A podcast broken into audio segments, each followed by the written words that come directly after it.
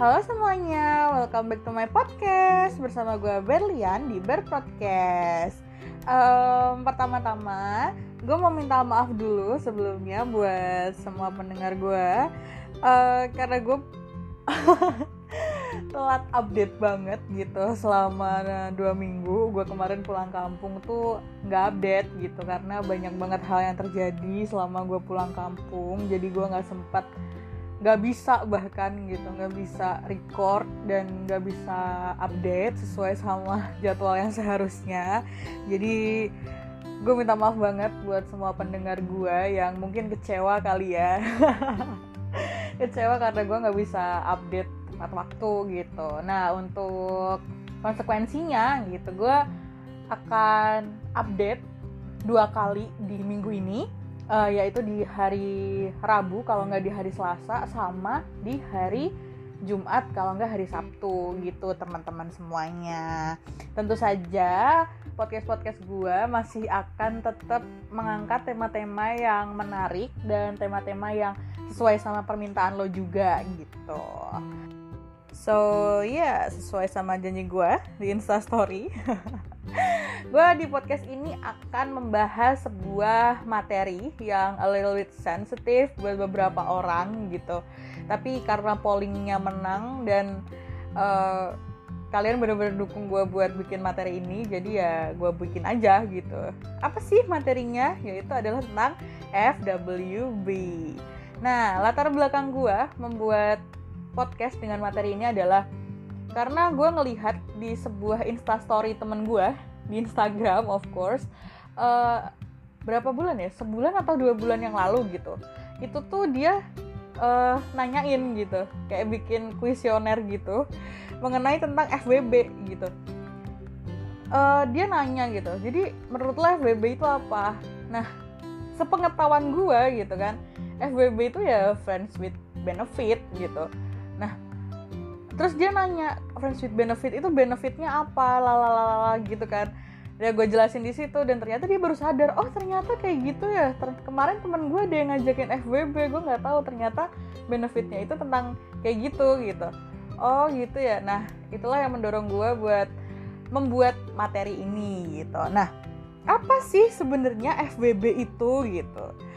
Uh, gue bikin sebuah tweet kemarin gitu. Beberapa hari yang lalu gue bikin tweet uh, wrong answer only uh, apa itu FWB ada yang jawab food with bacon ada yang jawab free watermelon beverage ada yang bilang film with blue. Like what the fuck? Film with blue gitu. Nah uh, sebenarnya FWB itu bukan itu gitu. FWB itu adalah friends with benefit. Nah apa sih sebenarnya friends with benefits itu? Nah Friends with Benefit itu, menurut orang yang FBB adalah di mana dua orang mempunyai koneksi platonik yang saling menggunakan satu sama lain dengan seks gitu. Nggak ada romantisme, nggak ada komitmen, dan nggak ada dating atau kencan. Jadi ya pure temenan, tapi you both having sex dan menikmati satu sama lain gitu. Jadi nggak ada komitmen di antara kalian nggak kayak pacaran nggak kayak engagement gitu. Kalian berkomitmen gitu. Tapi friends with benefit ini nggak gitu. Kalian tidak punya komitmen tapi kalian melakukan hubungan gitu. Nah dari beberapa orang juga yang gue survei gitu kan baik di Twitter baik di Instagram juga yang menurut gue capable untuk hal ini gue sudah menanyai beberapa orang gitu. Nah namanya akan gue sensor pakai nama samaran sesuai sama yang mereka mau gitu. Uh, menurut Jasmine Mbak Melati gitu kan Jasmine FBB itu budaya pemuda barat yang dicoba ditiru sama anak-anak muda Indo gitu. Nah kenapa gitu? Karena di Indo itu sangat mudah banget buat uh, menemukan atau mengakses berbagai kalangan gitu kan. Apalagi sekarang gitu dengan adanya media sosial gitu. Nah maksudnya diakses sama semua kalangan tuh gimana sih gitu? Jadi uh, kita kan berteman sama siapa aja gitu. Dan berteman itu kan zero cost ya. Nggak kayak pacaran. Mungkin kalau pacaran lo akan modal bla bla bla bla gitu. Cuman kalau berteman kan itu zero cost. Jadi kayak ya lebih mudah dan murah aja gitu. Jadi bisa diakses sama semua kalangan gitu. Dan basisnya adalah mau sama mau. Jadi ya ya udah gitu. Karena mau sama mau gue butuh dan gue lu juga butuh dan kita berteman terus why not gitu kan. Itu uh, basisnya kenapa dia bilang uh, bisa diakses sama semua kalangan. Dan lu bisa bandingin sama misalnya orang yang harus nyewa PSK untuk kebutuhan biologisnya gitu kan. Jadi ya ibaratnya lebih zero cost lah gitu terus ada lagi kalau menurut Mas Bubuk Rengginang FWB itu arahnya ke hubungan fisik atau seks gitu. Tapi nggak jarang juga FWB berujung sama romantisme atau pacaran. Nah, FWB itu punya konsekuensi yang bisa baik atau sebaliknya. Nah, nanti gue akan bahas uh, konsekuensi-konsekuensi yang terjadi karena adanya FWB ini gitu. Ada lagi menurut Jose, ini Jose ini cowok atau uh, cewek ya, gue nggak tahu. Jose. Jadi FWB itu nggak cuma seks loh gitu. Nggak mungkin seorang cowok royal sama cewek yang bukan siapa-siapanya, of course karena cuma temen ya, tanpa benefit. Nah, benefitnya tuh apa? Ya afeksi, ya seks, ya bisa macem-macem tergantung konsen keduanya. Itu menurut si Jose gitu. Nah, kalau sendiri gimana Ber gitu? Kalau gue me, meng, apa ya menjelaskan FWB itu gimana gitu? Jadi in my honest opinion FWB itu hubungan konsensual dua orang yang tak terikat secara komitmen gitu. Namun saling menguntungkan secara seksual. Jadi gue me melihatnya FWB itu sebagai hubungan ya konsen gitu konsensual. Cuman eh, nggak ada komitmen di dalamnya gitu loh. Jadi konsensual untuk having sex together gitu tapi lo nggak ada komitmen apa pun di dalamnya gitu. Uh, one hit wonder lah ibaratnya. Nah kalau dari sejarah gimana sih adanya FWB itu gitu? Kita trace back jauh banget. Dulu zaman kerajaan Mataram nih gitu. Nah dulu itu pas zaman kerajaan Mataram tuh ada perempuan uh, di dalam beberapa cerita dia diceritakan sebagai seorang janda gitu. Dari golongan biasa aja dari rakyat jelata kayak gue gitu kan. Gitu itu namanya Roro Mendut. Nah diceritakan dia ini cantik banget. Jadi kayak ya cantik uh, definisi lo lah gitu. Terserah lo mau maknai cantik itu seperti apa gitu. Cuman di buku beberapa buku yang gue baca Roro Mendut itu tuh digambarkan memang sangat cantik gitu. Nah tapi diceritakan di beberapa buku juga dia itu enggak cantik secara gimana ya? Secara visually nggak cantik tapi secara auranya tuh mungkin kalau orang sekarang bisa bilang itu binal gitu atau gimana ya?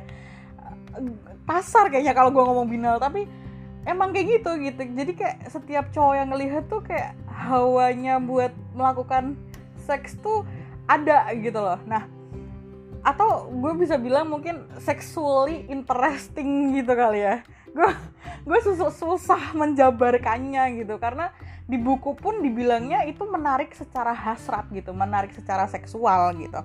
Nah mungkin kalau di sekarang gitu gue membayangkannya adalah perempuan semampai kulit putih rambut hitam lurus buah dada 38C mungkin agak bungkuk which mean birahinya tinggi gitu kak. Gue nggak tahu kenapa sih dari beberapa buku yang gue baca juga Roro Mendut itu di, digambarkan sebagai perempuan yang agak bungkuk. Nah kenapa bungkuk? Karena orang zaman dulu tuh percaya gitu. Cewek yang perawakannya agak bungkuk atau wungko kalau di bahasa Jawa gitu di buku-buku bahasa Jawa itu perawakannya wungko itu tuh birahinya tinggi teman-teman. Nah sebenarnya itu nggak ada korelasi sih. Gue gue tidak menemukan logika antara cewek yang badannya bungkuk dengan birahinya tinggi gitu. Cuman ya ya udahlah ya gitu karena di buku seperti itu gitu. Nah sebenarnya apa sih yang bikin Roro Mendut itu uh, menarik gitu, sexually interesting gitu. Nah, kita akan bahas gitu.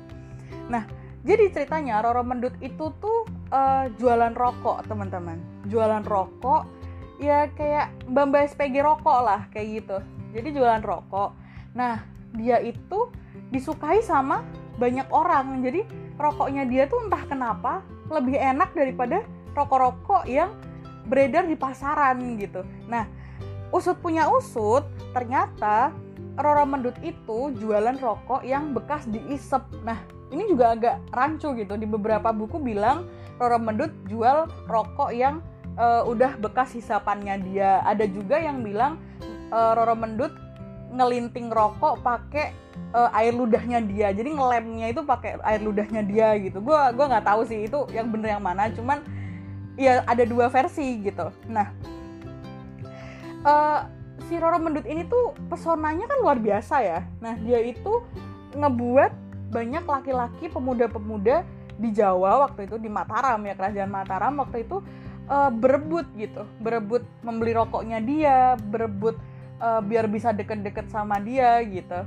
Nah, at the same time gitu, Roro Mendut ini tuh uh, dideketi sama seorang cowok yang namanya Prono Citro gitu. Nah, Prono Citro itu siapa? Prono Citro itu adalah salah satu pelanggan pembeli rokok Roro Mendut gitu. Jadi kayak ya temen lah gitu, temennya si Roro Mendut gitu. Cuman Roro Mendut itu menaruh hati sama si Prono Citro gitu, karena mungkin orangnya baik atau orangnya gimana gitu kan nggak tahu ya gitu. Di bukunya juga tidak dijelaskan gitu. Tapi uh, si Prono Citro itu uh, mampu menggait hati si Roro Mendut gitu. Nah, tapi mereka cuma temenan gitu. Tapi ya tetap dilayani juga, maksudnya uh, sexually secara seksual dilayani gitu sama si Roro Mendut itu. Ya beli rokok itu ya mungkin dalam tanda kutip menghisap rokok juga gitu kan.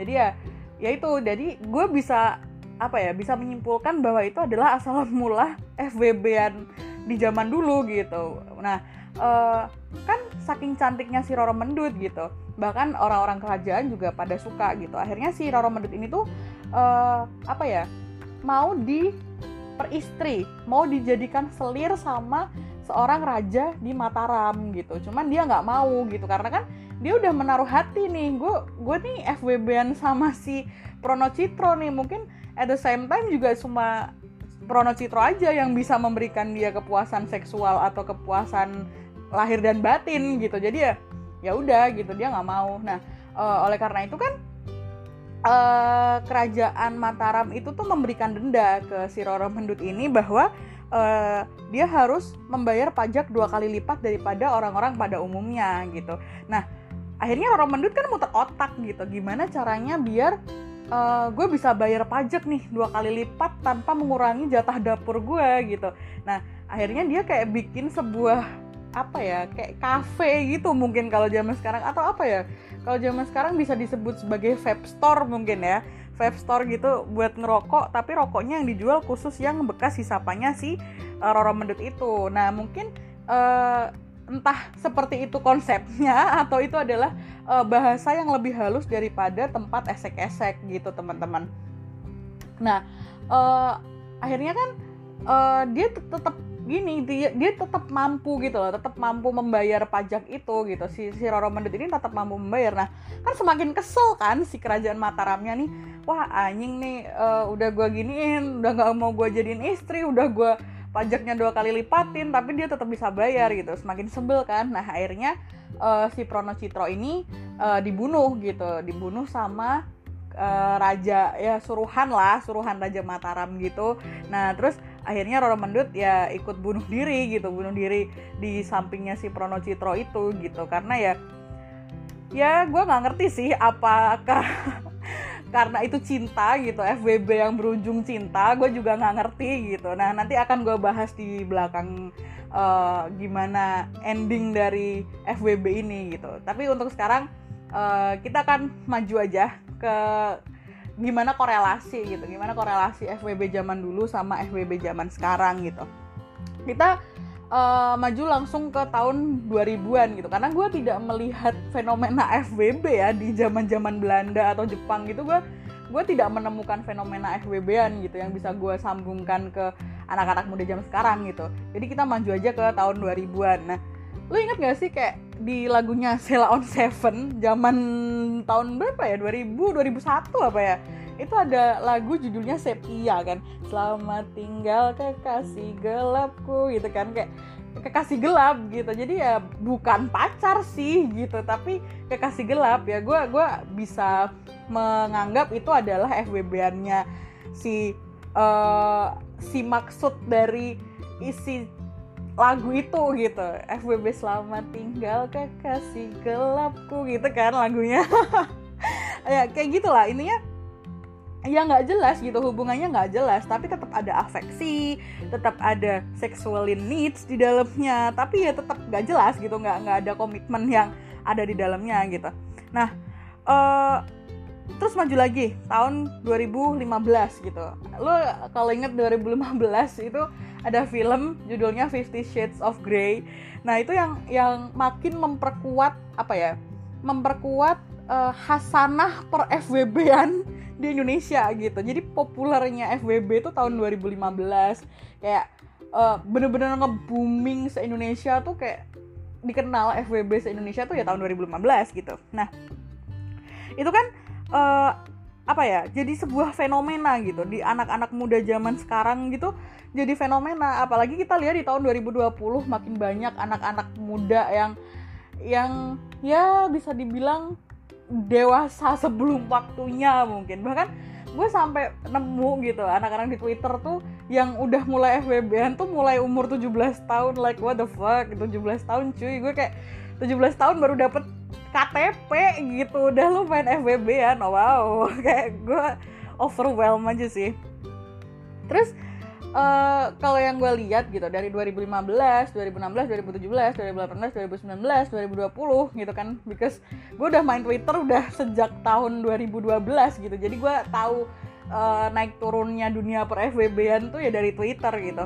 Jadi di 2020 tuh FWB tuh mengalami perluasan makna kalau menurut gue jadi uh, dari beberapa orang yang gue tanya juga gitu. Jadi FWB tuh uh, meluaskan makna bahwa benefitnya itu nggak cuman seks gitu. Nggak melulu soal seks.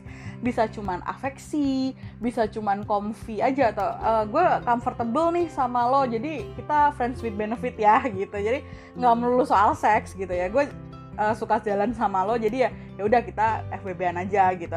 Atau yang paling aneh menurut gue adalah benefitnya itu cuman ditemenin cerita. Jadi gue sempet waktu itu gue tuh punya mutual di Twitter gitu.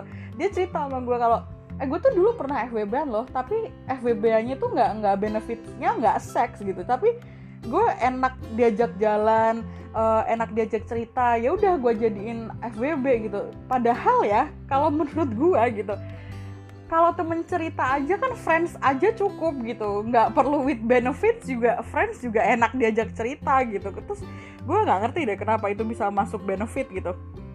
Terus nggak cuman kayak gitu jadi FWB juga kadang ada juga yang partnernya tuh demanding kayak selalu minta diturutin atau dilayani atau dibeliin lalalalala biar lu di uh, dilayani secara seksual gitu. Itu lebih kayak apa ya pelacuran terselubung kalau menurut gue ya kayak ya itu bukan FWB lagi gitu.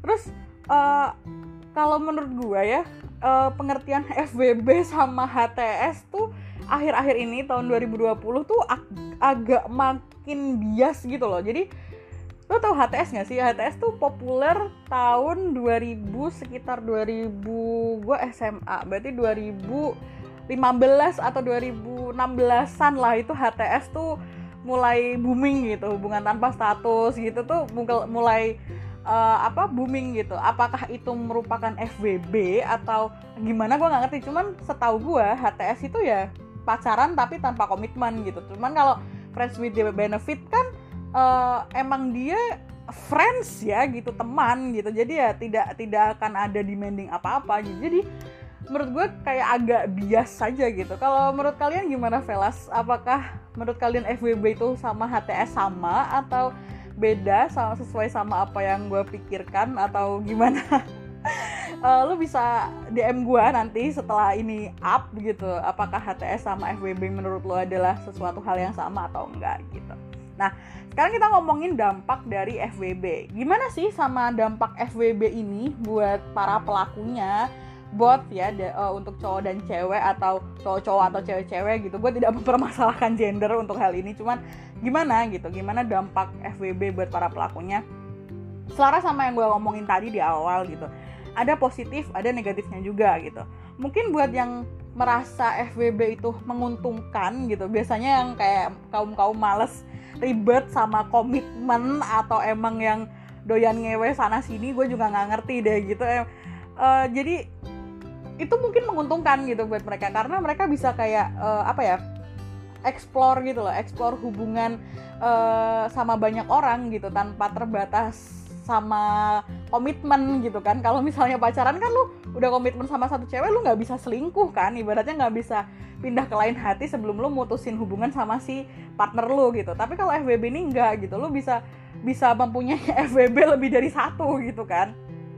Nah e, negatifnya juga ada gitu. Nggak nggak melulu soal positif apa yang didapat gitu. Tapi FWB ini juga punya dampak negatif. E, beberapa yang gue temuin sih e, orang yang udah tobat gitu dari dunia per FWB-an atau ibaratnya udah udah hatam lah, udah mentas gitu dari dunia FWB ini tuh kayak menyesal gitu. Kayak ya gue tuh berada di hubungan yang semu dulu gitu. Jadi gue mau cemburu juga nggak bisa. Dia cetan nama cowok lain gue juga nggak bisa marah gitu. Karena ya ya emang hubungan semu aja bukan bukan apa ya bukan sesuatu yang dilandasi sama komitmen gitu. Jadi ya ya mau cemburu juga nggak bisa. Karena gue bukan siapa-siapa lu lu juga bukan siapa-siapa gue kita cuma temenan ya kita bebas aja ngomong sama siapa aja gitu kan. Nah sekarang jadi pertanyaan adalah gimana hubungan FBB ini hubungan yang tanpa komitmen ini berakhir gitu. Nah dari yang banyak gue tanyain dan sepengalaman gue gitu bertanya sama teman-teman gue juga gitu kan gimana FBB ini berakhir adalah biasanya sama-sama saling menemukan uh, partner FBB baru gitu. Jadi ya karena kita temenan dan gue udah nemu partner baru dan partner gue udah nemuin partner baru jadi kita sudah tidak ada hubungan apa-apa gitu. Dan kan awalnya juga nggak ada komitmen apa-apa jadi ya udah berakhir aja gitu. Atau kadang ada juga yang lost contact tiba-tiba lost contact ya itu berarti uh, hubungan mereka udah berakhir gitu kan. Nah tapi nggak semua FWB tuh endingnya mulus teman-teman. Ada juga yang misal partnernya tuh nggak terima gitu ditinggal gitu kan. Terus tiba-tiba di spill di treat bikin treat partnernya yang merasa tersakiti itu FWB yang merasa tersakiti itu bikin treat lalalala kayak gitu juga ada gitu kan. Uh, biasanya yang di spill di trade itu keburukannya atau utangnya atau dan lain sebagainya. Pokoknya di spill aja lah gitu intinya menjelek-jelekan si mantan partnernya ini gitu. Nah ada juga yang sampai uh, partner ini tuh nggak terima sampai saking sakingnya nggak terima tuh ada yang dibunuh juga atau dikuntit dan lain sebagainya. Jadi nggak semua uh, hubungan FWB tuh bisa berakhir dengan mulus gitu ya teman-teman. Jadi pesan gue buat kalian semua yang mau memulai FWB-an gitu.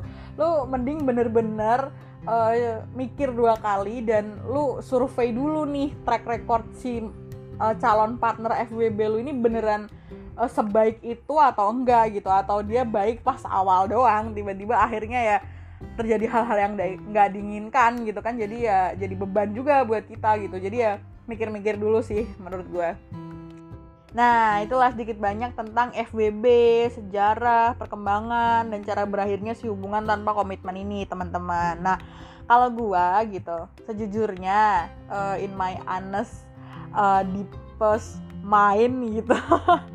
gue lebih suka hubungan macam FWB ini gitu karena gue sudah bosan gitu dengan komitmen-komitmen bullshit yang berakhir sama broken heart gitu. Kayak gue gue sudah trauma dan memilih untuk ya udah kita kayak misalnya pacaran pun gue kayak memilih ya udah kita sama-sama jadi teman aja gitu. Dan uh, apa ya gue udah capek sih sebenarnya sama hubungan-hubungan drama anak SMA ala-ala gitu kayak eh, nggak uh, deh gue gitu kalau kalian gimana nih Velas? Apakah uh, punya main yang sama-sama gue atau lebih memilih untuk pacaran? Atau atau langsung serius nih kayak engagement atau langsung merit gitu? Kalau gue sih nggak bisa ya. Gue lebih memilih untuk perkenalan dulu aja deh gitu. Kalau langsung nikah kayaknya hmm, masih jauh jalan gue untuk ke situ gitu. Apakah kalian juga ada yang punya pengalaman jadi uh, eh, FWB-an uh, atau HTS-an bisa email gue bisa DM gue juga. Lo bisa cerita gue on 24 jam gitu. Gue akan baca satu-satu DM lo dan email lo juga yang masuk gitu. Nanti gue akan tanggapin gimana uh, eh, gue menyikapi hal tersebut gitu. Kalau gue diperkenankan untuk menjawab. Oke, okay, sekian dulu podcast episode 2 gue kali ini. Uh, lu bisa keep contact with me dengan email yang ada di description gue atau lu bisa DM di IG gue tentang tema-tema apa aja yang harus gue uh, up gitu atau tema apa yang harus gue bahas di podcast podcast selanjutnya gitu. Dan thank you so so much for listening. See you on the next podcast. Bye